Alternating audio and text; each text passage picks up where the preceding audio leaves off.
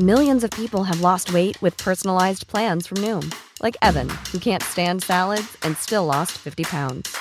Salads, generally, for most people, are the easy button, right? For me, that wasn't an option. I never really was a salad guy. That's just not who I am. But Noom worked for me. Get your personalized plan today at Noom.com. Real Noom user compensated to provide their story. In four weeks, the typical Noom user can expect to lose one to two pounds per week. Individual results may vary. When you're ready to pop the question, the last thing you want to do is second guess the ring. At Bluenile.com, you can design a one of a kind ring with the ease and convenience of shopping online. Choose your diamond and setting. When you find the one, you'll get it delivered right to your door. Go to Bluenile.com and use promo code LISTEN to get $50 off your purchase of $500 or more. That's code LISTEN at Bluenile.com for $50 off your purchase. Bluenile.com code LISTEN. When you make decisions for your company, you look for the no brainers. And if you have a lot of mailing to do, Stamps.com is the ultimate no brainer. It streamlines your processes to make your business more efficient, which makes you less busy. Mail checks, invoices, legal documents, and everything you need to keep your business running with Stamps.com. Seamlessly connect with every major marketplace and shopping cart. Schedule package pickups and see your cheapest and fastest shipping options from different carriers. With rates up to 89% off USPS and UPS rates. And with the Stamps.com mobile app, you can take care of mailing and shipping wherever you are. Make the same no-brainer decision as over 1 million other businesses with Stamps.com. Sign up with Code PROGRAM for a four-week trial, plus free postage and a free digital scale. No long-term commitments or contracts. That's Stamps.com. Code PROGRAM. Välkomna till Celestial Podcast. Jag heter Stella Fadell och det är jag som driver den här podden. Här utforskar jag allt inom spiritualitet, okulta ämnen och andra magiska ting. Enjoy my loves! Hej alla magiska varelser och varmt välkomna tillbaka till Celestial Podcast. Idag har jag bjudit in ännu en fantastisk gäst till podden, nämligen underbara Lisa Wingård. Välkommen Lisa! Tack så jättemycket för att jag får vara med. Så glad att du är med på den. Det har jag velat, alltså jag har velat prata med dig så länge så jag är glad att vi äntligen har fått till, till tillfället helt enkelt. Men eh, Lisa, du och jag träffades ju via Instagram. Jag vet inte hur eller när exakt, men jag eh, fick ju upp ögonen för dig för att du, alltså när jag gick in på ditt konto, du utstrålade sån härlig energi. Både liksom genom videosarna som du la ut och även dina bilder och liksom allting du pratar om. Du pratar både om, alltså om viktiga ämnen som, som alltså både psykisk ohälsa men också läran om yoga och allting som du har gått igenom som verkligen berör på djupet. Jag fastnade direkt för dig och, och tyckte verkligen att, att wow, den här tjejen måste jag lära känna och sen så dessutom så du är utbildad yoga och meditationslärare och eh, som ni säkert vet, ni som lyssnar på podden, jag eh, kommer ju själv utbilda mig inom yoga och meditation snart, så jag slukar ju dessa typer av konton. Men eh, det var så kul för jag, eh, jag skrev faktiskt till Lisa för ett tag sedan. Så skrev jag till henne och frågade, vet du vad, kan inte du vara med i podden? Jag vill så gärna göra ett avsnitt med dig, jag tror att det hade blivit magi för att vi hade sån härlig energi mellan oss. Så jag skrev till henne och eh, så såg jag att hon hade läst meddelandet. Det stod så här visat. Um, och sen så gick det några timmar, det gick några dagar, jag vet inte om det gick några veckor och inget svar. Jag tänkte wow, jag blev precis rådissad. Men okej, okay. livet går vidare. Och sen så började vi skriva igen efter ett tag om något helt annat. Och sen så, så frågade ju du Lisa om inte vi kunde göra ett avsnitt tillsammans. Och då kände jag bara så här, men hallå, jag skrev ju faktiskt till dig för, för ett tag sedan, men det var ju du som dissade mig och sen så visade det ju sig såklart att du inte hade gjort det utan bara missat det rent random. Men det var tur att du skrev igen, annars hade vi inte suttit här idag. Nej men alltså, och jag älskar ju ditt konto, alltså ditt konto är bara så här, sånt ljus och sånt liksom, så härlig energi. Och jag, det var ju liksom när vi hade skrivit ett tag som jag verkligen fastnade för dig med. Och som jag sa till dig att ibland så när folk skriver till mig och jag verkligen vill ta mig tid och svara tillbaka när det liksom är en sån förfrågan och jag kanske vill skicka ett ljudklipp som svar så Mm. lägger jag det och tänker så här, jag svarar ikväll när jag har tid ordentligt och sen försvinner det. Men jag är så glad att vi fick till det och att du tackar. Alltså det var ju, jag frågade ju sen och då du. Ja, men jag blev ju jätteglad. Jag tänkte yes, okej, hon dissade inte mig. Det var nästan som, jag fick sån flashback, du vet när man skrev med typ killar i gymnasiet och sen så man bara hej vill du träffas och så bara nej, visat och inget svar. Men ja, skitsamma. Vi satt ju värre än inget svar. Ja, det är det faktiskt. Ja, men jag, jag, jag bjöd ju in Lisa inte bara för att hon har ett, ett fint Instagramkonto och vi, vi har en härlig energi mellan oss, men jag, eh, jag är så nyfiken på att höra mer om det du har gått igenom och vad du har lärt dig genom ditt yrke nu som yoga och meditationslärare. Och det som jag definitivt fastnade, alltså när jag läste detta så kände jag bara att alltså, det bara klickar. Jag bara det här, det här är detta vi ska prata om i avsnittet. Och får jag läsa upp det för eh, i podden eller? Är det okej? Ja, Jag har- självklart, självklart. så jag läste, gick in på Lisas eh, hemsida och så läste jag det här. Eh, I, I live to fulfill my dharma, my highest purpose, to spark the light in others that have lost theirs. I strive to guide others to reconnect with their true self so that they can rest within themselves. I'm devoted to share the yogic wisdom with the world so that as many as possible can heal and love themselves again. Alltså, så sjukt fint. Det är så poetiskt och fint. Mm, Så ehm, ja, när jag läste det så det var så magiskt och jag kände bara det är ju det här vi ska prata om. Alltså hur man balanserar mind, body, spirit, hur man lär sig att, att dels läka sig själv från tuffa saker man går igenom i livet men, men också främst hur man lär sig älska sig själv.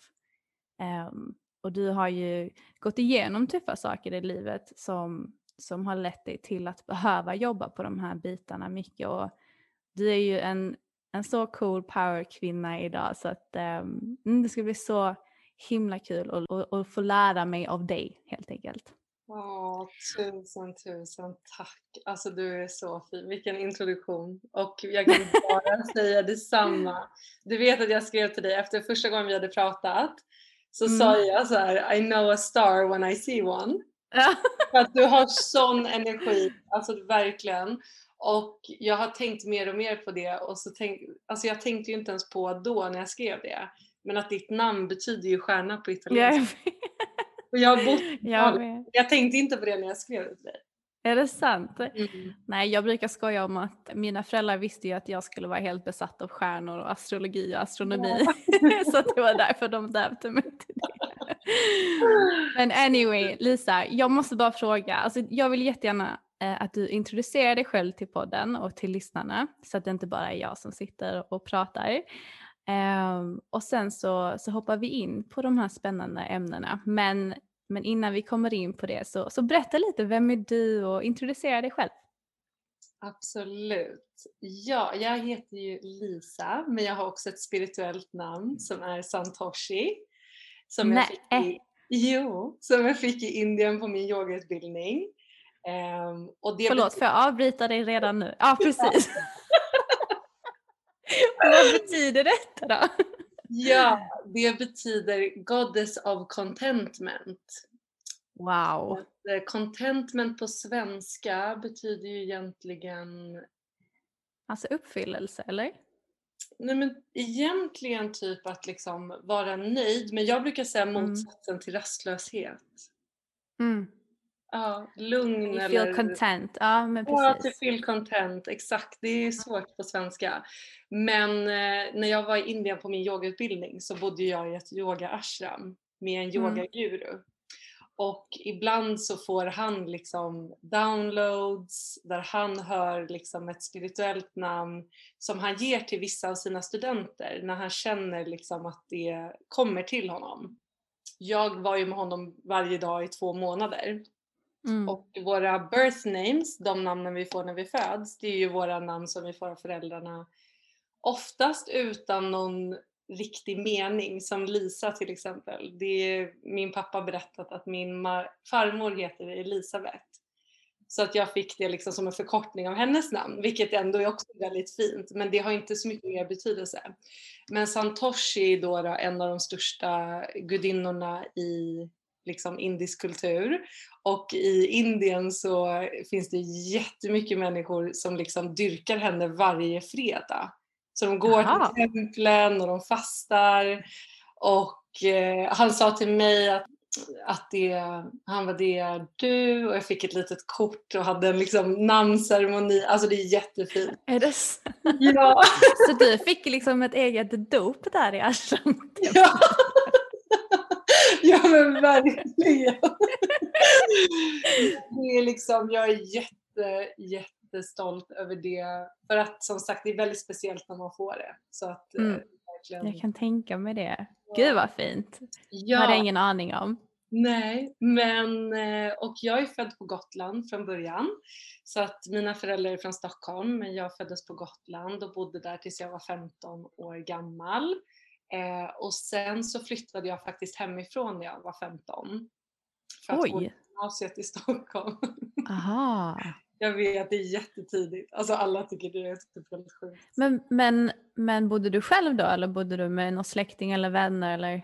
Nej, alltså jag hyrde ett rum i en lägenhet okay. nära gymnasiet. Eh, ah, okay. Mm, så att då gick jag gymnasiet i Stockholm och sen efter gymnasiet så tog jag två år där jag reste sex månader på vinterhalvåret. Eh, och efter det så flyttade jag till Italien och sen bodde jag i England. Eh, och sen så flyttade jag hem till Stockholm igen ja, ungefär 2018. Mm. Eh, och har alltid älskat att resa. Jag har rest i 33 länder. Har alltid älskat liksom spiritualitet och yoga. Men eh, har haft väldigt mycket olika perioder med de här mm. sakerna. Så att eh, vissa gånger där det har varit så självklart och liksom så nära och sen vissa gånger där jag verkligen har typ tryckt bort det helt och försökt att bara så här, uh, trycka bort det eller vad man ska säga. Mm. Har du någon i, i din närhet som är spirituell, alltså föräldrar eller syskon eller vänner? Alltså under tiden du växte upp? Ja, alltså det är så himla intressant för jag har tänkt mycket på det. Mm. Jag är extremt spirituell i min natur. Alltså det, jag har alltid varit det. Och jag har alltid fått så downplaya det. Alltså trycka bort det. För att jag, när jag var yngre, typ när jag var så 15, då var jag typ som mest spirituell. Och då Aha. var det alltid så att folk skämtade om att jag var så hippie och flummig och allt det här. Ja. allt det här. Och då så har jag tänkt väldigt mycket på vart det kommer ifrån. Men min mamma är faktiskt kristen och mm. mediterar. Alltså så att mm. hon har ju liksom den ändå tron. Och sen har jag min mormor som alltid har liksom eh, praktiserat enorm tacksamhet. Alltså som jag kan se nu väldigt likt attraktionslagen. Ah, jag wow. ser liksom ändå att det är relaterat. Men sen fick jag faktiskt lite svar på det här för inte så länge sedan. För jag har ju undrat Jaså? var det här kommer ifrån. Ah. Och då gjorde jag ett sånt här numerology test. Mm. Ja. Mm. Och då fick jag, mina nummer var 1111. Nej. Jo. A super, super spirit nummer ja. med, vad heter det, master teacher nummer och sådär ju. Exakt, exakt. Och de sa det, de var “You're born with psychic abilities, yeah. you're master number in spirituality”. Alltså så att för mm. mig när jag fick höra det så kände jag såhär, ah, that makes sense. För att för liksom, ingen som är så spirituell i min familj som jag är. Men sen var min syster hemma hos mig faktiskt nyligen och mm. såg alla mina kristaller. Och då mm. sa hon så här, hon bara, vill du veta något så sjukt? När jag var typ, alltså, när hon var typ så här 14, 13, då brukade ja. hon ta sina så sparpengar och köpa kristaller och ge bort till kompisar. Jo, jättegulligt. Åh det är så kul! Ja. Men det, jag har en av mina närmsta vänner, hon är inte alls spirituell, alltså väldigt här, total motsats till vad, vad jag är. Men sen så får jag ett sms ifrån henne där hon skickar en bild på typ 30 kristaller. Hon bara du jag hittade de här i mitt, eh, alltså i någon låda. Ja, de här hade jag när jag var liten. Jag bara, men alltså det här är ju kristaller, det är inte liksom bara stenar utan det här är ju kristaller. Hon bara, ja ah, för att vi gick alltid till en sån här kristallaffär när jag var liten så fick jag alltid välja en kristall och det tyckte jag var jättekul. Jag bara, se du är mer spirituell än vad du Ja. tror. Exakt. Alltså faktiskt, något som jag verkligen märker, det är ju att vara spirituell, det är ju det vi är födda med. Alltså det naturliga, det här med att liksom dras till kristaller, energier och att till exempel våga uttrycka det här um, tacksamheten, attraktionslagen, möta varje människa med värme och glädje. Alltså det är ju det vi är födda med. Sen så har många, myself included before, har ju en tendens att sen komma långt, långt, långt bort ifrån det när vi blir vuxna. Och då ska vi liksom ha den här fasaden och vi har titlar och vi har liksom ett sätt att vara på för att olika omständigheter. Men det är väldigt vackert tycker jag med barn och yngre. Att man har det naturligt. De behöver inte lära sig. Nej, nej. Jag pratade med en, en tjej från mitt jobb och hon sa det att hon, hon är från Indien ursprungligen och hon sa det att alla barn fram tills de är fem, alltså man benämner barn i Indien som Guds barn för Mm. att de är så öppna rent spirituellt när de är små och de har en sån connection med universum och liksom energier och att man, man säger det att fram tills de är fem så är de fortfarande så connectade med de förra liven de, de var i och i livet liksom innan de kom in i den här världen. Och sen så händer det någonting där vid liksom fem, sex och sen så börjar Ja. skolan och lär sig andra saker sådär så att man, man tappar väl kontakten. Ja. Men eh, det ligger någonting i det du säger. Men minns du, har du minnen från när du var så ung? Från typ 5-6. Ja, för jag minns, jag minns ingenting fram tills jag var kanske fem just. Mm. Jag har vissa minnen. Ehm, både från Gotland, jag växte ju upp på en så jättestor, alltså faktiskt bondgård. Eh, Åh, min- gud vad härligt. Ja, min pappa hade liksom djur. Eh, han var ensamstående med oss, så han hade fyra barn som alla är födda inom liksom fyra år. Så alla var typ små Oj. samtidigt. Så han hade liksom världens jobb men ett tag så hade vi i alla fall fortfarande djur. Sen var han tvungen att sälja dem för att det var så mycket jobb med alla barn och allting. Ehm, men jag minns faktiskt, mina liksom, första minnen är definitivt därifrån. Liksom från, med alla djuren. Vi fick åka faktiskt med honom och eh, hämta så här, på en annan bondgård. Fick vi åka och hämta så här, små napplamm. Vet du vad det är? Det är sådana som mamman inte vill ha. Jag vet! Jag börjar gråta när jag hör sånt.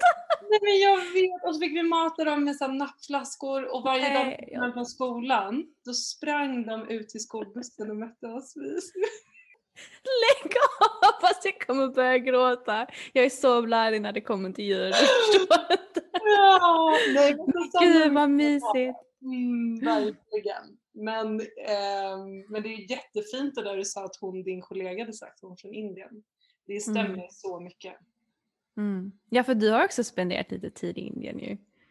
Ja, det har jag. Jag har ju varit i Indien första gången när jag var ungefär 17 med min familj och då var vi i Goa och liksom på semester egentligen. Eh, och sen så var jag i Indien i sex månader när jag var 18, efter gymnasiet då 18 till 19. Så reste jag och min syster runt i sex månader och då var vi ju liksom, alltså vi reste liksom runt, Indien är ju liksom som ett avlångt så. Eh, så vi Okej. reste liksom runt typ hela Indien i sex månader och sen Alltså vi runt kusten, eller? Nej men liksom vi började i norra delen som är Rajasthan och sen så var vi i eh, Calcutta, Varanasi, ehm, Agra där Taj Mahal ligger Mm. Och sen så var vi i Andaman Island som ligger då på andra sidan av Bombay. Och sen var vi i, där vid kusten där ner till Sri Lanka och sen så tillbaka till Kerala, Goa och så tillbaka till Bombay och Delhi och allt. Så att det var verkligen så häftigt att vara liksom så många månader och se så många platser. Och sen nu tredje gången var ju i förra året. Då var jag i Rishikesh i två månader i ett yoga ashram och gjorde min yogautbildning. Wow. Mm. Gud vad häftigt. Mm. Alltså var det någon, någon plats i Indien som du kände som hade liksom en extra spirituell energi? Jag vet ju att Indien är liksom generellt väldigt spirituellt land. Men var det någonstans där du kände att du hade en extra connection? Ja, alltså om man tänker på bara rent så super, super spirituellt så är det ju definitivt Varanasi. Och det är ju där de, där är Ganga, Mother Ganga, det är ju den här äh, ån som går genom Indien. Ja. Och i Varanasi så är det där som de har de, the most holy space, där de bränner kroppar liksom. Och när man Okej. blir bränd där i Varanasi, då tänk, tror man då inom indisk eh, eh, hinduismen då, då religion, hinduismen, att man kommer direkt till nirvana. Ah. Jätte, jätte, jätte holy liksom. Mm. Eh, sen kände ju jag extrem connection till Rishikesh. Alltså när jag kom till Rishikesh, det är liksom Alltså energin där är så stark. Det är ju liksom i början av Himalaya Mountains Mm. och sen är det också där Ganges börjar så det är väldigt så blå Ah. blod, jättevackert. Och sen är det the yoga capital of the world. Så att. Ja. människor som Makes är sense. Ja. så att alla människor som var där och som jag träffade var liksom bara så charged eller vad man ska säga. Alltså bara så öppna, så charged och bara helt fantastiskt att få vara i en sån plats liksom där alla är så spirituella, gör så mycket yoga, så mycket meditation. Det är häftigt faktiskt när man tänker på det nu när jag är i Stockholm där jag bor.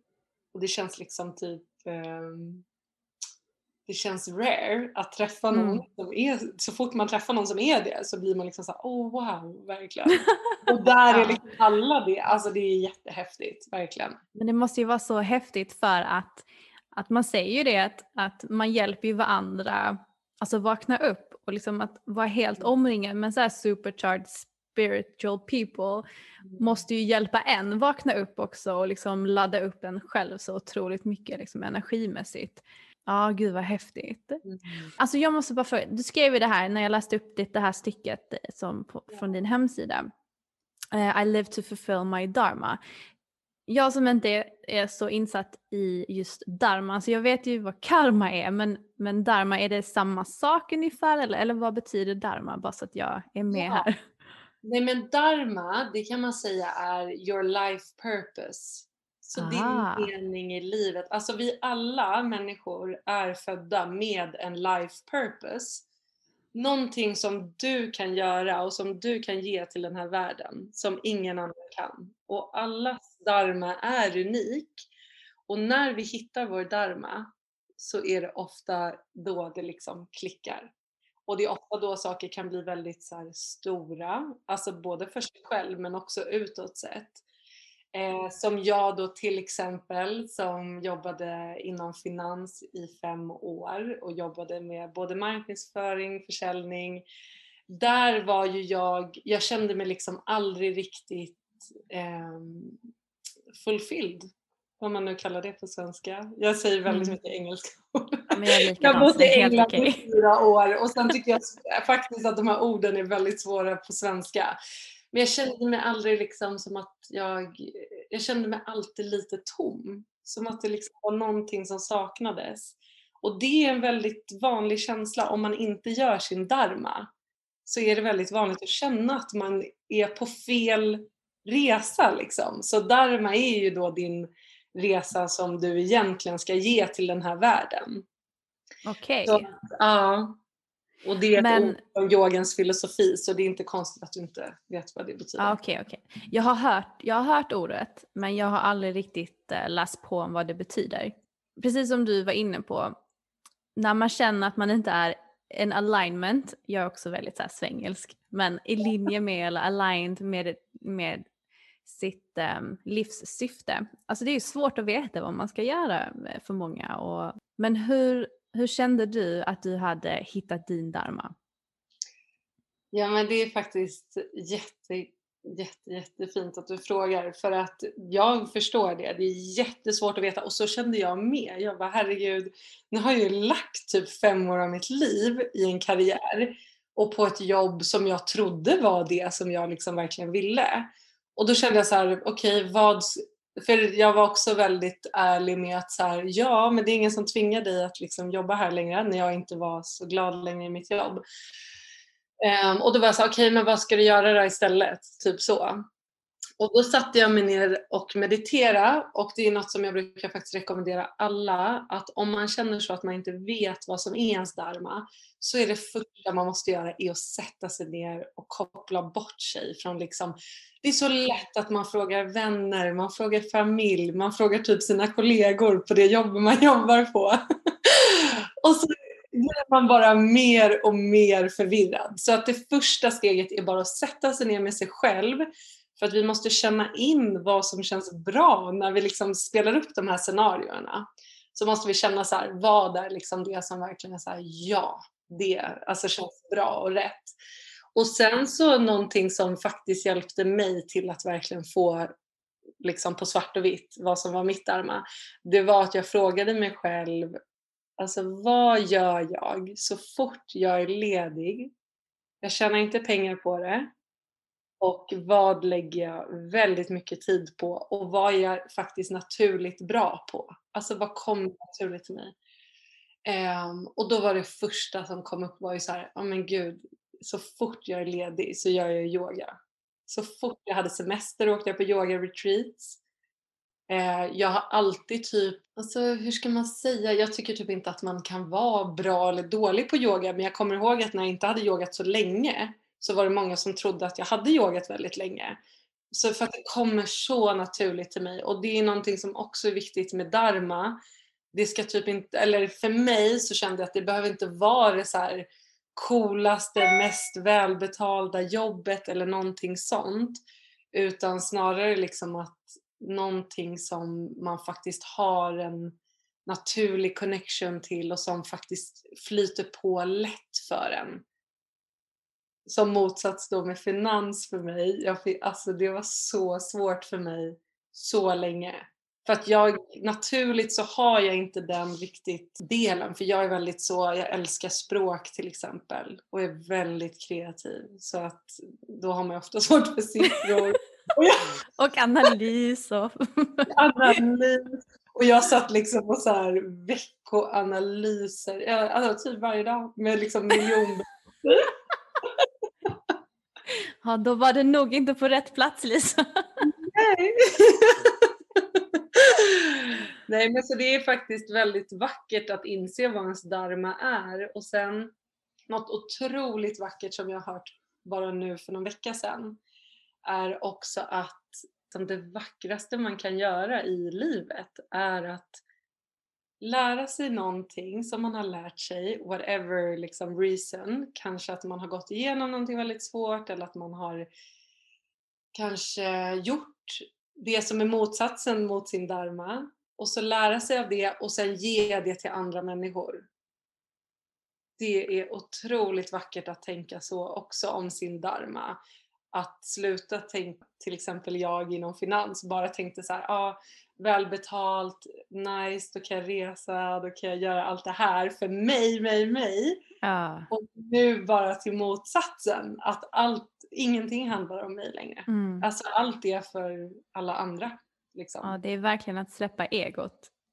Mm, verkligen. Ja, nej men jag hör det och jag hör ju att det är ganska vanligt att man, man går in och hamnar i ett yrke som egentligen inte alls funkar för en men det är ju det finns ju lärdomar i allt, precis som du säger.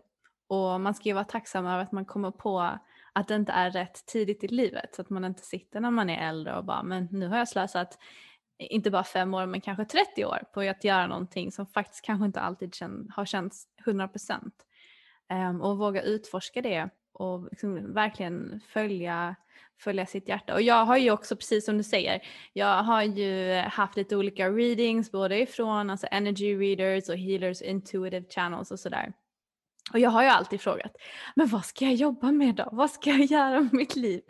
Och alltid försökt hitta svaren hos någon annan. För det är ju så jag alltid har gjort. Det är liksom så här, man har ju frågat sina föräldrar, vad ska jag nu? Man har ju liksom alltid haft mentorer eller mm. chefer eller lärare i skolan och, eller vänner. Man har ju alltid rådfrågat andra personer istället för att ta den tiden för att rådfråga sig själv och känna in, men vad känns rätt för mig? För att ingen kan ge dig svaren om dig själv förutom dig själv. Man växer, man utvecklas, man förändras, man träffar nya människor. Det är så jäkla också viktigt att tänka att så här, man kan ändras igen. Vi säger nu att jag känner att min dharma är yogan just nu. Mm. Jag försöker verkligen påminna mig själv att så här, ja, det är det och jag känner det av hela mitt hjärta. Men om jag någon gång i framtiden vill göra någonting annat igen så får jag göra det. Alltså det är mm. så viktigt att komma ihåg att man behöver inte bestämma sig vad man ska göra nu. Precis. Alltså livet är förhoppningsvis så långt. Så man kan ändra sig tre gånger till om man vill liksom. Mm. Ja men mm. precis och jag känner att, alltså jag menar sättet jag har växt upp och liksom normen det är ju att man, man vill ju gärna placera någon i fack och man vill ju gärna själv känna att man tillhör ett fack, att man är en sak, att man så att man lite grann förstår sig på andra och förstår sig på sig själv. Alltså det är enklare att tänka på folk som någonting. Och det som har liksom blivit så tydligt för mig det är att vi är inte bara en sak, vi är inte bara två saker eller tre saker, vi är universella. Och det finns mm. inget ett fack där vi kan tillhöra utan det handlar ju verkligen om att bara vara öppen och surrender till det och se vart livet tar dig. Mm. Um, och, och lyssna inåt. Det är verkligen någonting som jag, som jag tar med mig från förra året då vi spenderade så mycket tid hemma och så mycket tid isolerade. Det var, jag hade så mycket tid för mig själv och med mig själv. Och jag hade liksom inte möjlighet att få så mycket intryck från alla andra. Nej. Så att, um, det var ju en blessing in disguise om, man, om det är någonting man ska ta med sig från 2020. Men men eh, Lisa, när du, fick, när du kände att nu detta är liksom min dharma, det är detta jag ska göra, när du upptäckte liksom med yogan, hade du någon speciell så spiritual liksom, awakening i samband med det eller, eller har du liksom någon, någon spiritual awakening upplevelse eller story du kan dela med dig av? För jag vet att lyssnarna vill gärna höra spiritual awakening stories. jo men det har jag. Mitt största spiritual awakening det var september 2019. Mm. Så då hade jag jobbat i, eh, inom finans i fem år men jag hade bytt jobb till marknadsavdelningen eh, ungefär i januari det året. Och jag hade blivit liksom befordrad, jag hade fått mycket bättre lön, jag jobbade liksom med den högsta premiumprodukten och skulle lansera i hela Norden. Så jag gjorde typ så här tre personers jobb själv, mm. eller mer, jag vet inte. Men, eh, så jag jobbade väldigt mycket och mådde liksom Alltså jag blev bara mer och mer stressad. Jag var alltid tillgänglig. Jag reste jättemycket med jobbet och privat.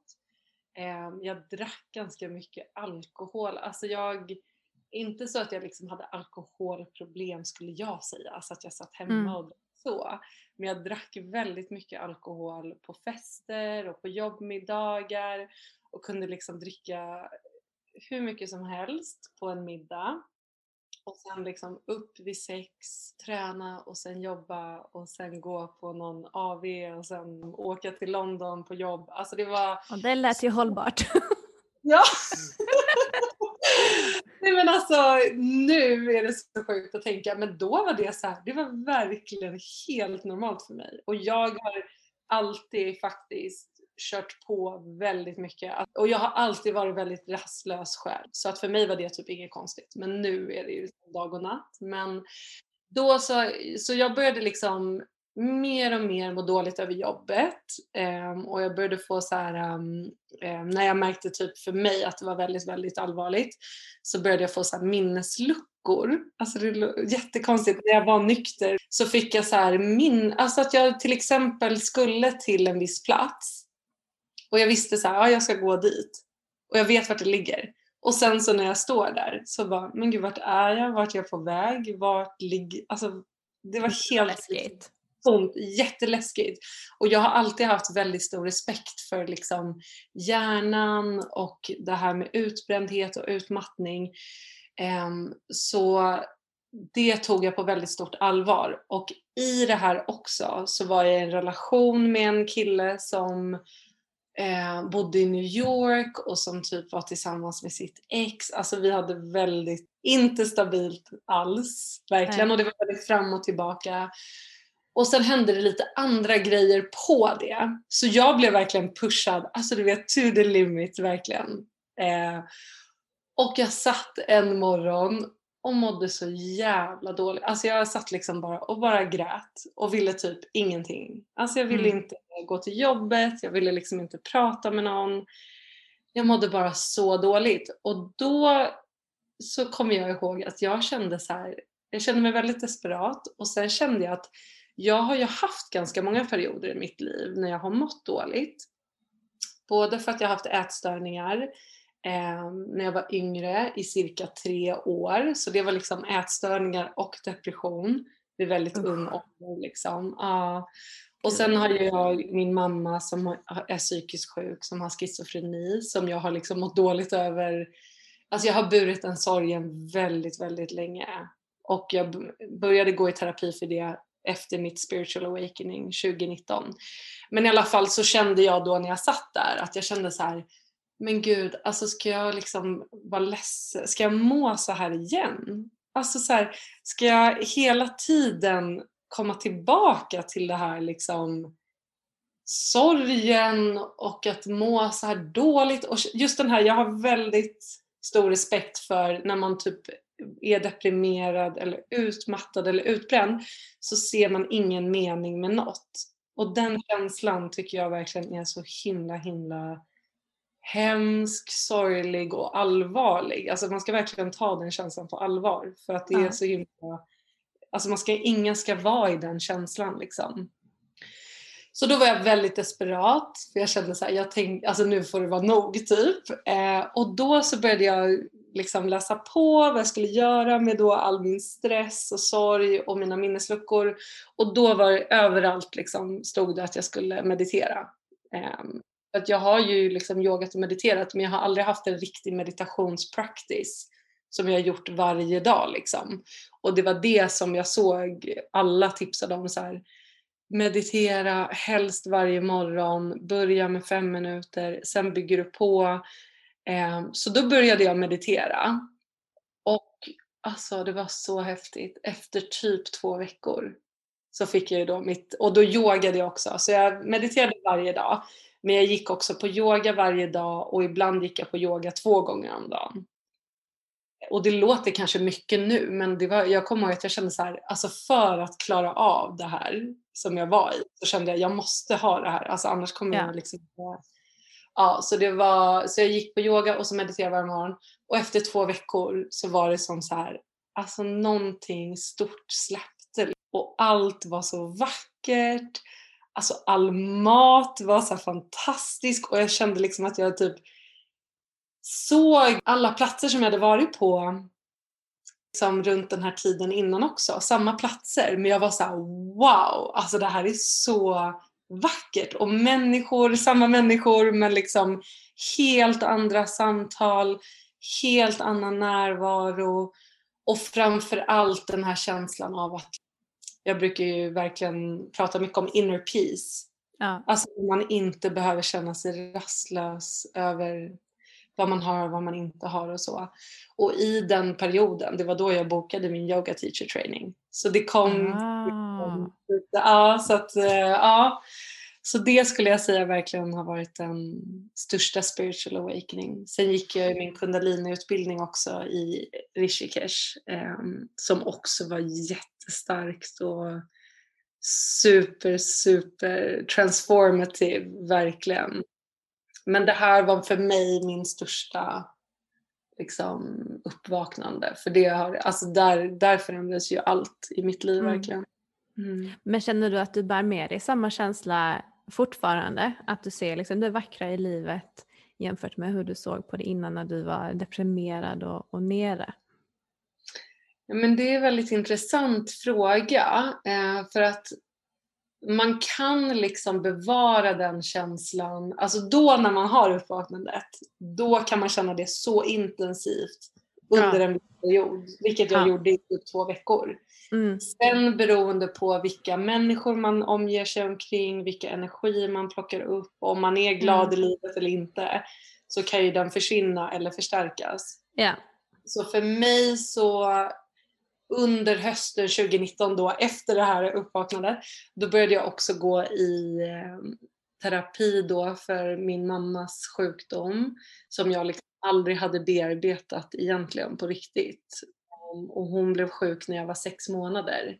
Oj, Ja, och blev så det har inlagd. verkligen varit med dig hela livet? Ja, och det är super, super, super starkt trauma för att jag var ju i sex månader, det är ju då man ammar och man har liksom den här extrema anknytningen. Och då Precis. hamnade hon på sjukdom, eh, sjukhus för första gången. Så då var jag liksom bara med min pappa och mina syskon. Så att när jag då började gå i terapi så var ju det, och det är ju verkligen för så här, traumaterapi och det var jätte, jättejobbigt och jätte, jätte tufft liksom på många olika lager. Så både mentalt men också väldigt fysiskt så satt det kvar väldigt, väldigt starkt för mig. Ja. Så då kan jag säga att 2019 där på hösten så var det lite så att jag liksom hade väldigt, väldigt tufft. Och sen då när jag gjorde kundalini-utbildningen i Indien så kände jag att där släppte liksom det kroppsliga. För kundalini är ju väldigt mycket energi. eh, Man jobbar mycket med sina chakran och eh, andning för att hitta liksom alla lager. Och då hade jag på något sätt bearbetat liksom det här på en mental eller liksom psykisk nivå. Och sen hade jag också gråtit väldigt mycket. Alltså jag hade verkligen så släppt ut så mycket som det bara gick. Men sen satt det väldigt mycket djupt inne i mig i liksom mitt hjärtchakra. Mm. Ehm, Så att det släppte liksom. Så det var ju också ett till uppvaknande för mig, verkligen, när jag då kunde släppa det för första gången. Och jag kunde till exempel, bara ett exempel är att om man är väldigt blockerad i hjärtchakrat så kan man ha väldigt svårt att eh, släppa in människor eller att älska människor. Så jag har alltid haft svårt att säga jag älskar dig. Och så då efter min kundaliniutbildning, alltså det var verkligen som att allt hade Du bara, jag älskar dig, jag älskar dig, jag älskar dig. Nej men det var typ. Det var många i ashramet som hade också sagt till mig, du vet, innan utbildningen. Som bara love you, love you, good night. Du vet så många, det är inte många svenskar där. Ehm, och jag bara yes, good night. Alltså,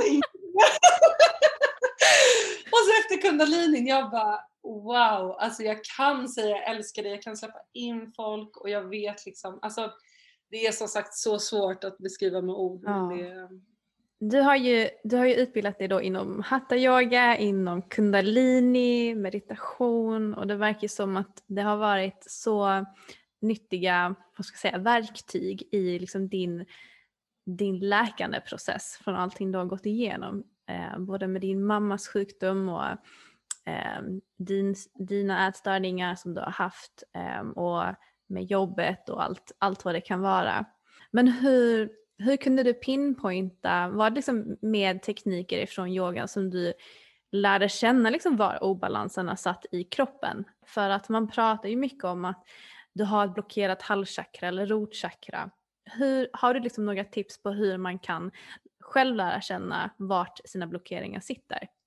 Ja, absolut. Så det första viktigaste är ju att börja sitta med sig själv varje dag. Eh, helst på morgonen, för då är man väldigt, väldigt mottaglig. Man är väldigt så här, intuitive, brukar Mm. jag säga. Eh, och det är bland annat för att sista delen av sömnen så är hjärnan i det stadiet som vi vill komma åt i Mhm. meditation. Så det är perfekt att göra det när man vaknar.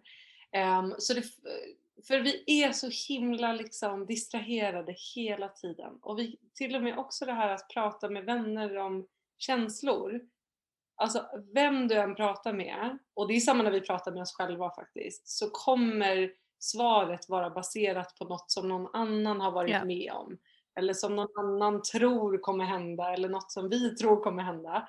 Så det viktiga är att verkligen sätta sig och börja känna inåt, fysiskt känna hur mår jag, vart är min energi idag?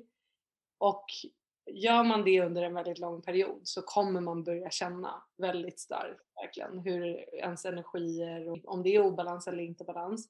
Men sen så ett bra tips om man är helt nybörjare inom chakran och så, så är det jättebra att läsa på om de sju största energicentren i kroppen.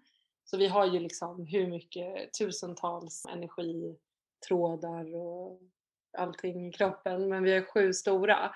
Och om man läser på dem hur de ska vara, alltså hur de är och hur de karaktäriserar sig när de är balanserade mot hur de är när de är obalanserade så kan man ju väldigt snabbt förstå om det är balans eller obalans. Till exempel hjärtchakrat, anahata, så brukar man säga så här äh, att en av de största karaktärerna för det chakrat är att kunna ge och ta emot villkorslös kärlek. Och har man då väldigt enkelt för det, då har man ju ett väldigt starkt hjärtchakra. Men känner man liksom att, ehm, för det är också till andra och till sig själv. Så det är också hur man är mot sig Ja. själv. Så man kan också läsa lite om dem och känna hur det är. Och sen är ju också yoga är det bästa verkligen för att balansera energierna och känna in energierna och eh, ta bort blockeringar och att balansera. Men det är en jättebra fråga. Det är ju, jag är väldigt, väldigt alltid varit väldigt så energidriven eller vad man ska kalla det. Alltså jag har jättelätt för att ta upp andra människors energier och att känna in liksom mina egna. Så för mig är så här, chakra är verkligen chakrarna är så naturligt för mig men jag förstår ju att det inte är det för alla. Eh, Men det är jätteviktigt att våga, våga connecta med dem. För det är, inte, det är också svårt Ja. i början. Ja, Men precis, det är ju först att, att man behöver lära, lära känna dem. Vad står de alla för? Och, men, men som jag förstår det på ditt svar är att lyssna inåt, känn liksom var, var, var går energin någonstans och hur känns det där? Men också alltså att läsa på om det, böcker online, vad det nu kan vara. Det hjälper ju ganska mycket. Och ja, men med, med hjälp av olika övningar genom yogan eller om det är någon, någon annan typ av liksom träningsform eller meditation så, så kan man liksom hitta Mm. vart blockeringarna sitter någonstans. Jag, jag vill jättegärna lära mig mer om detta. Jag var ju på en, en reiki-behandling för ett tag sedan och då sa eh, tjejen då som gjorde reiki på mig, hon bara du har ett blockerat eh, solar plexus. Mm. Och jag bara, ha? Vad betyder det? så jag har ju läst på lite om det, men har du någon, så här, eh, något instinktivt svar till varför man har ett, ett blockerat solar plexus? Ja, då blir det väldigt personligt mot dig här nu. Ja, men det, gör, det gör ingenting, jag blottar mig hela tiden. Så att det var... Ja, nej men solar plexus är ju jätteconnectat till självförtroende, ja. manifestation och maskulin energi. Väldigt eld, alltså vårt eldelement i kroppen är liksom Okej. solar plexus. Aha. Eh, så manipura chakra heter det då på hindi. Ehm, och om man har överskott i det chakrat så kan det vara så att man liksom är alltså alltid på väg mot något annat och man är alltid framåt och man liksom har väldigt, väldigt mycket driv men man kanske, det kan bli också för mycket så att man liksom gör hundra saker och ingenting blir bra typ. Mm. Eh, och sen om man har underskott så är det väldigt lätt att både det här med självförtroendet, att man kan ha eh, svårt att tro på sig själv, att man kanske inte känner att, ja, man kan känna att andra klarar saker som man, "Va, nej, men jag kan inte göra det. Mm.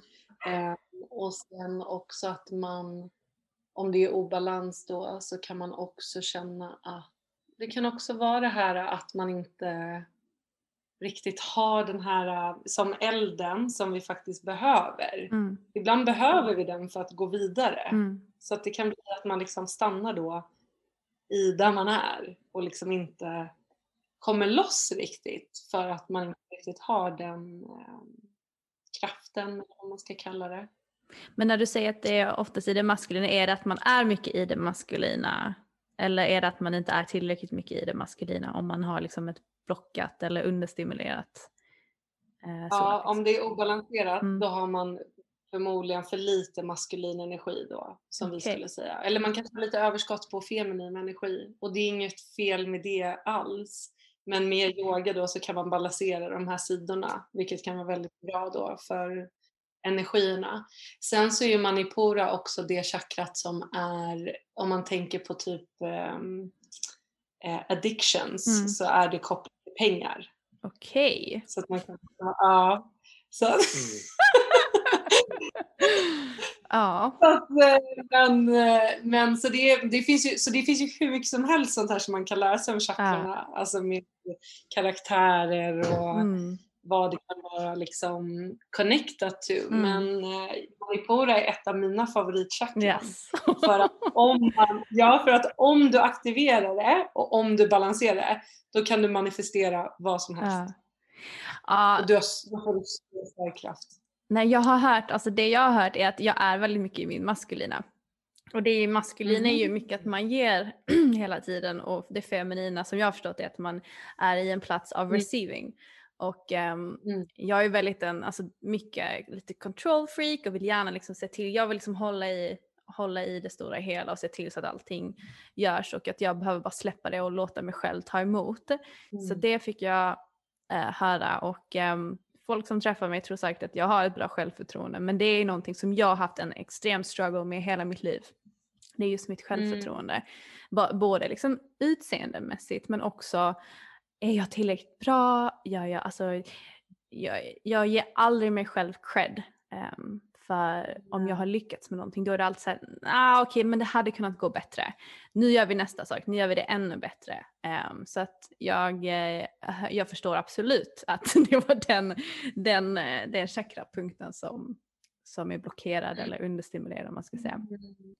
Ja, och jag tycker också det är intressant att ju mer jag har lärt mig om chakrarna, förut var jag väldigt mycket så, så här, Ja, ja men jag är väldigt så här maskulin för att på jobbet så är jag så här och så här och så här.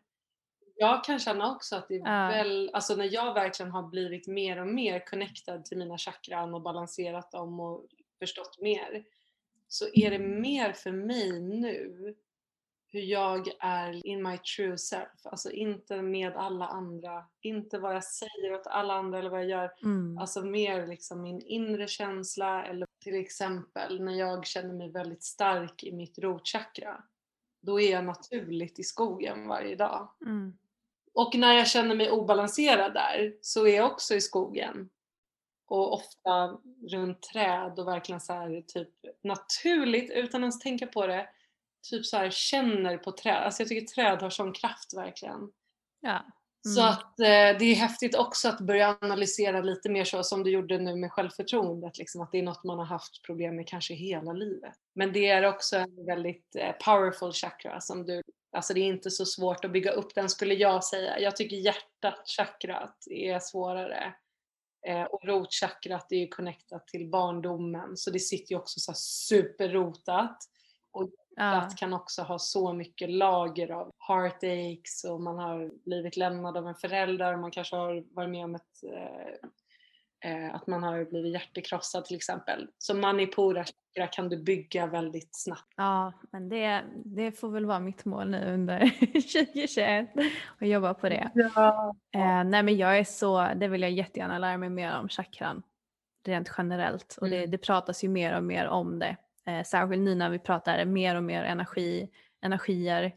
Jag tycker det är så häftigt att alla bara har börjat prata mer och mer energier och eh, att det börjar bli liksom en naturlig del av, av diskussionerna som man har. Jag har ju inte träffat dig i verkligheten men när jag ser dig via Instagram så känner jag bara att den här tjejen har ju ett fantastiskt självförtroende och att jag känner att du har en otrolig självkärlek. Men har du alltid haft det? Åh, tack. Gud vad fint. Um, nej, alltså jag hade ju så många år, um, framförallt när jag var väldigt ung, så jag fick ju min första ätstörning som var bulimi när jag var 13 och sen utvecklades den till anorexia när jag var 14. Och innan det så blev jag så här, jag var väldigt så här mullig när jag var yngre, jag var ganska kort. Så ganska mm. länge i skolan så var jag ganska mullig och blev så retad för det. Um, och så att det var ju då så kommer jag ihåg, liksom, i alla fall när jag fick mm. mina ätstörningar. Alltså det var så mycket självhat, jag hatade min kropp. Jag hatade till exempel mm. mina höfter som är typ det jag gillar mm. mest idag med min kropp. Men jag, verkligen, alltså jag var verkligen inte nöjd med mig själv och sen när man har ätstörningar så man känner sig otillräcklig och man känner sig att man inte är bra på någonting och man eh, känner sig elak mot allt och alla, mot sin familj och så här.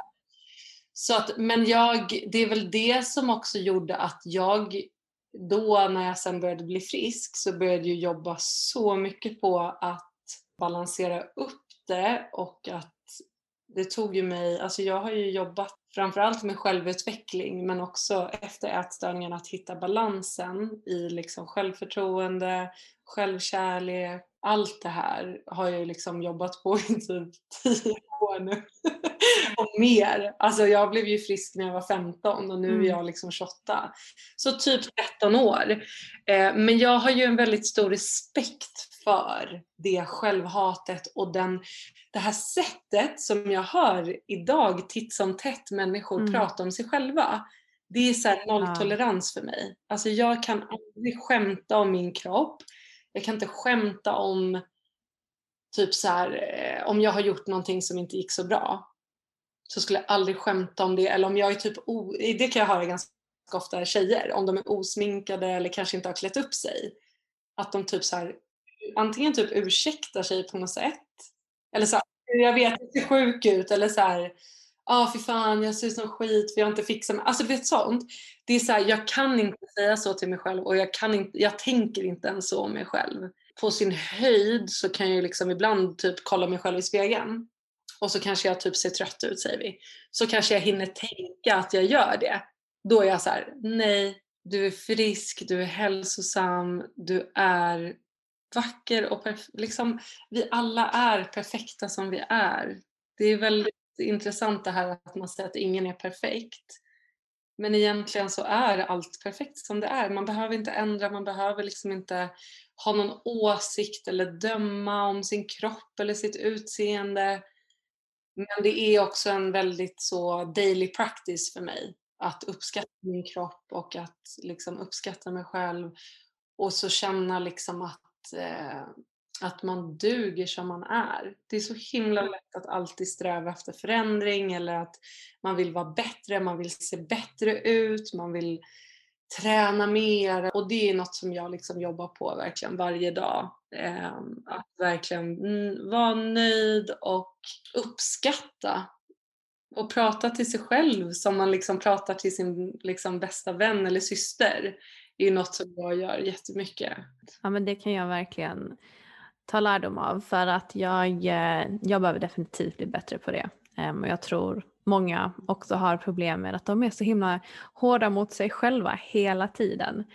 Och det är precis som du säger att ja, men, eh, om jag börjar träna så kommer jag tycka om min kropp mer. Och det är alltid när jag har gjort det, om jag gör det, det är alltid någonting som mm. är i framtiden eller någonting man inte har nu. Och det gäller ju verkligen att, mm. att uppskatta det nu. För att det kommer inte antagligen bli bättre om ett halvår när du har tränat varje dag. För då kommer du hitta någonting annat som du inte tycker om med dig själv. Eh, för att man har det mindsetet. Ja, och sen är det också viktigt att släppa släppa utseendefixeringen som finns. Alltså även om det är fint att prata till sig själv och säga vackra saker och hej och hå, så har jag också liksom vuxit upp med typ min farfar och min mormor har alltid kommenterat så här, mitt utseende, min systers utseende och du vet också med sociala medier att det är väldigt många som liksom fokuserar på det yttre. jag försöker verkligen leva efter att både med mig själv och när jag träffar andra, att det är liksom sekundärt. Alltså det viktiga är ju hur man, ens personlighet, hur man behandlar andra, hur man eh, pratar med sig själv. Alltså hur, om man är lycklig i livet eller om man är hälsosam. Det är så sekundärt för mig och det kanske är därför som du säger att det då utstrålas att man är väldigt så självsäker eller så. Men för mig är det mer liksom att det är, alltså jag bryr mig inte så mycket. Men jag, vet, jag har ju gått också lite då från en extrem, one extreme to another på ett sätt. För att jag hade ju då många år som det var liksom det enda. Men det är väldigt häftigt också att våga släppa det och våga alltså verkligen inse att det är så sekundärt. Det finns så mycket mer som är viktigare. Jag kan känna ibland att när jag, jag är ju singel och dejtar då kan det vara så himla fokus på något sätt när andra talar till en, speciellt så i början av relationer och så, att man får liksom mycket så här komplimanger om utseenden. Jag försöker verkligen att så här, uh, hitta fokus på allt det andra som är så mycket viktigare. Yeah. Alltså vad är ens egentligen, speciellt i relationer, vad är liksom ens utseende? Det har ingen betydelse med allt det andra. Ja men verkligen. Men det är ju svårt mm. när man lever i en värld med Tinder där man swipar höger och vänster och dömer verkligen bara utifrån utseende. Alltså det är så mycket dömande överallt. Och typ om jag, nu har jag varit ihop med min kille i snart mm. sju år, så jag har liksom aldrig varit i Tinder-gamet men jag vet att alltså jag har ju många kompisar som fortfarande är singlar och det första, alltså jag gör det själv, det första jag frågar var, var han snygg? Alltså här, inte var han snäll, alltså hur var dejten? Alltså det första är ju oftast, får jag se en bild? Får jag se hur han ser ut? Vilket är hemskt egentligen. Jag tänker ju bara nu, det finns ingenting som gör mig så glad som när min kille säger till mig du har så fint hjärta eller du är så, du är så snäll och du, det jag älskar mest med dig det är ditt mm. hjärta. Det är liksom det finaste verkligen som man kan säga till mm. mig. Och eh, så här, absolut, det är ju trevligt att höra att man att, man, eh, att han tycker att jag är vacker eller vad det nu är. Men det finns ingenting som värmer mig lika mycket som när han säger just att jag är snäll eller en god människa eller att jag behandlar all, mm. andra väl. Det är ju det, är ju det finaste som finns. Och precis som du säger, min pappa har ju alltid, alltid sagt det viktigaste i livet det är din hälsa och sen är det din lycka. Mm. Jag försöker verkligen impregnera det i mitt huvud ja. um, och verkligen uppskatta, uppskatta ja. det. Gud vad fint. Alltså, det, är exakt så, det är exakt så som jag känner nu. Jag har inte alltid känt så men nu idag, liksom mm. varje dag så är jag så här, Gud jag är hälsosam, jag är ja. lycklig om jag är det. Alltså det kan ju också förändras från dag till dag men är det en dag när allt är okej okay, alla mår liksom bra, jag mår bra. Det är som blessing som man alltså, ska ta för givet verkligen. Det är så himla Alltså det är så kul för man tänker så här om man är två månader i ett yoga ashram och man utbildar sig där då tänker man att man ska lära sig liksom, vilket jag också har, jag har ju lärt mig hur mycket som helst om yogans filosofi och om alla poser och liksom endless wisdom verkligen.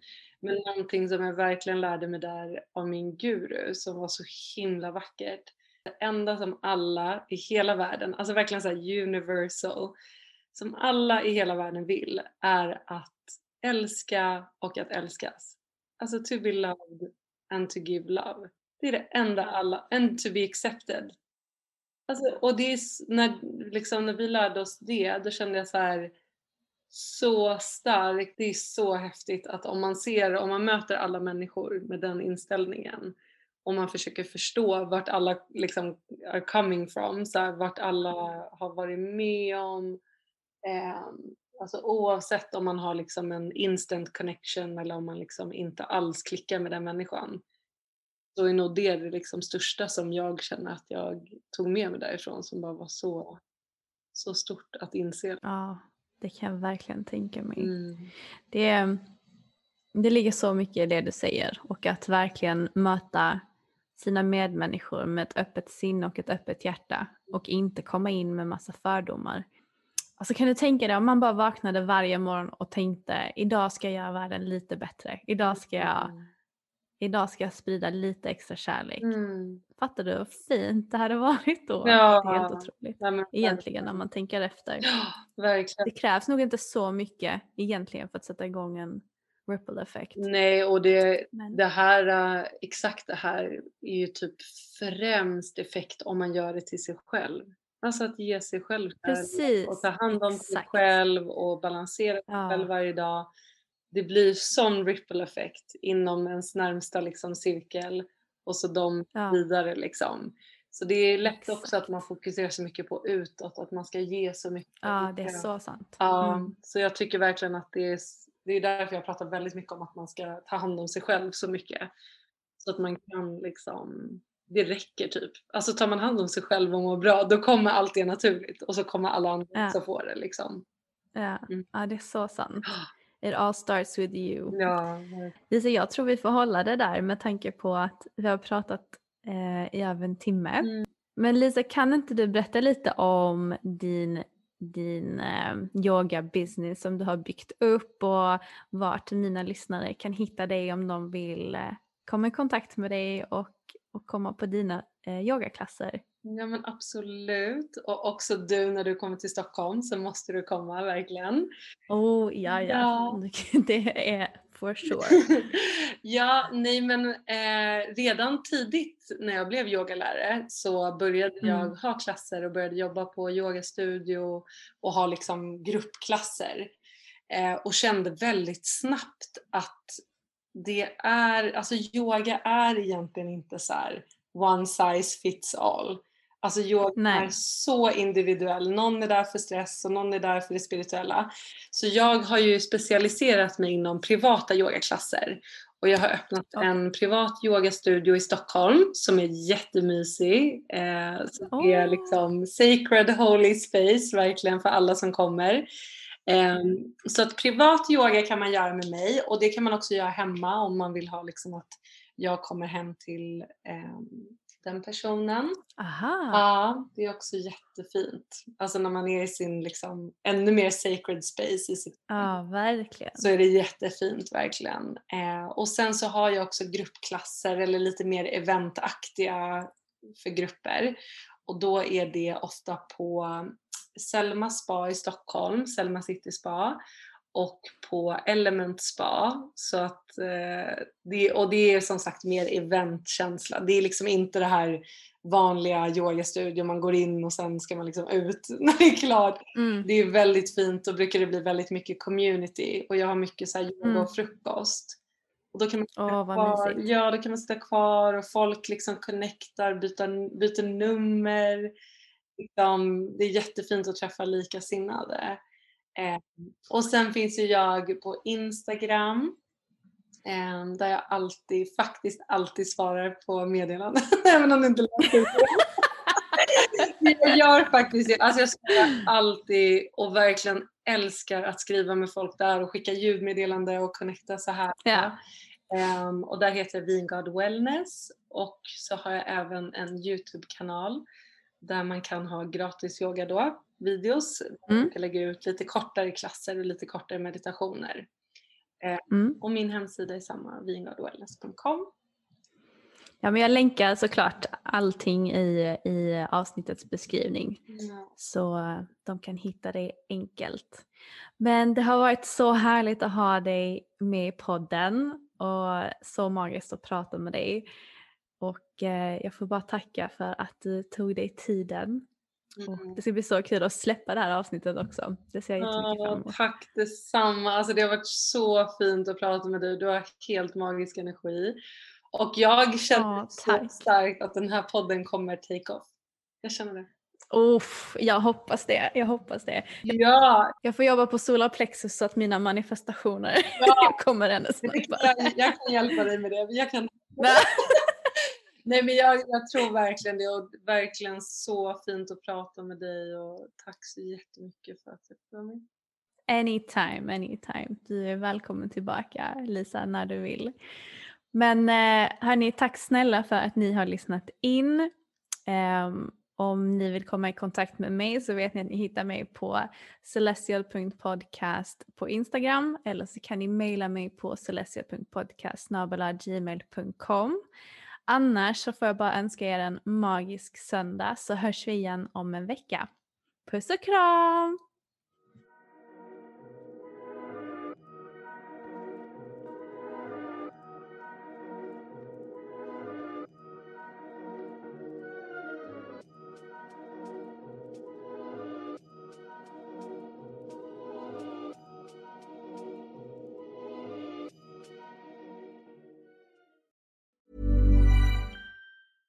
Mom deserves the best, and there's no better place to shop for Mother's Day than Whole Foods Market. They're your destination for unbeatable savings, from premium gifts to show-stopping flowers and irresistible desserts. Start by saving 33% with Prime on all body care and candles. Then get a 15-stem bunch of tulips for just $9.99 each with Prime. Round out Mom's menu with festive rosé, irresistible berry chantilly cake, and more special treats. Come celebrate Mother's Day at Whole Foods Market.